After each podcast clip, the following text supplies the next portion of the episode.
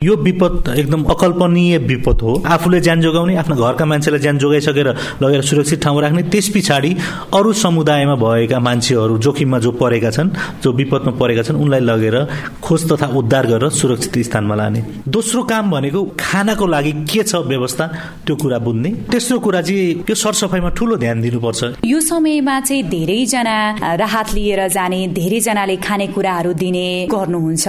यो अवस्थामा चाहिँ दिने मान्छे र राहत लिने मान्छेले चाहिँ के विशेष ध्यान दिनु पर्ला नेपाल सरकारले खानेकुरामा के बाँड्ने भनेर मापदण्ड बनाएको छ। त्यो मापदण्ड अनुसारको खानेकुरा पाएको नपाएको समुदायले पत्ता लगाउन सक्दैनन्।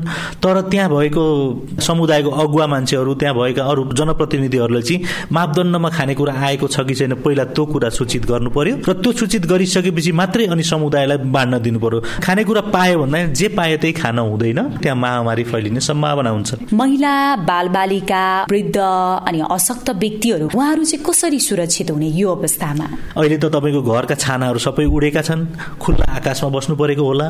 त्यो गरेर एकदम सुरक्षित स्थानमा नजिकको आश्रय स्थल स्कुल हुनसक्छ सामुदायिक भवन हुनसक्छ। त्यहाँ गएर पहिला सुरुमा आफूले आफूलाई र आफ्नो बच्चालाई सुरक्षित राख्नु होला। त्यसै गरी गर्भवती महिलाहरूले समय समयमा खाइरहनु पर्छ पानी पिइरहनु पर्छ औषधिहरू खाइरहनु परेको हुनसक्छ। त्यो कुरामा चाहिँ एकदमै ध्यान दिनुपर्छ। र अर्को कुरा बालबालिकाहरूमा चाहिँ यस्तो समयमा उनीहरू झुम्मिने उनीहरू यत्र तत्र छरिने कुरा हुनसक्छ। किनकि बालबालिकाले के खानुहुन्छ के खानु हुँदैन थाहा हुँदैन। उनीहरूले जे दियो त्यही खाइदियो भने समस्या पर्न सक्छ। जस्तो संचार माध्यमहरूले विपदको समयमा चाहिँ कस्ता कस्ता खालका सूचनाहरू प्रसारण गर्यो भने चाहिँ राम्रो हुन्छ? बचेका मान्छेहरूको जीव ज्यान जोगाउन कसरी सकिन्छ भन्ने कुरामा चाहिँ ध्यान दिनुपर्छ। स्थानीय सरकारले गरेको कामहरूलाई चाहिँ एकदम सराहनीय रूपले अगाडि बढाइदिने। कहाँ कहाँ के के सुविधा पाइन्छ? विपदको समयमा र स्थानीय सरकारले के के गरिरहेको छ?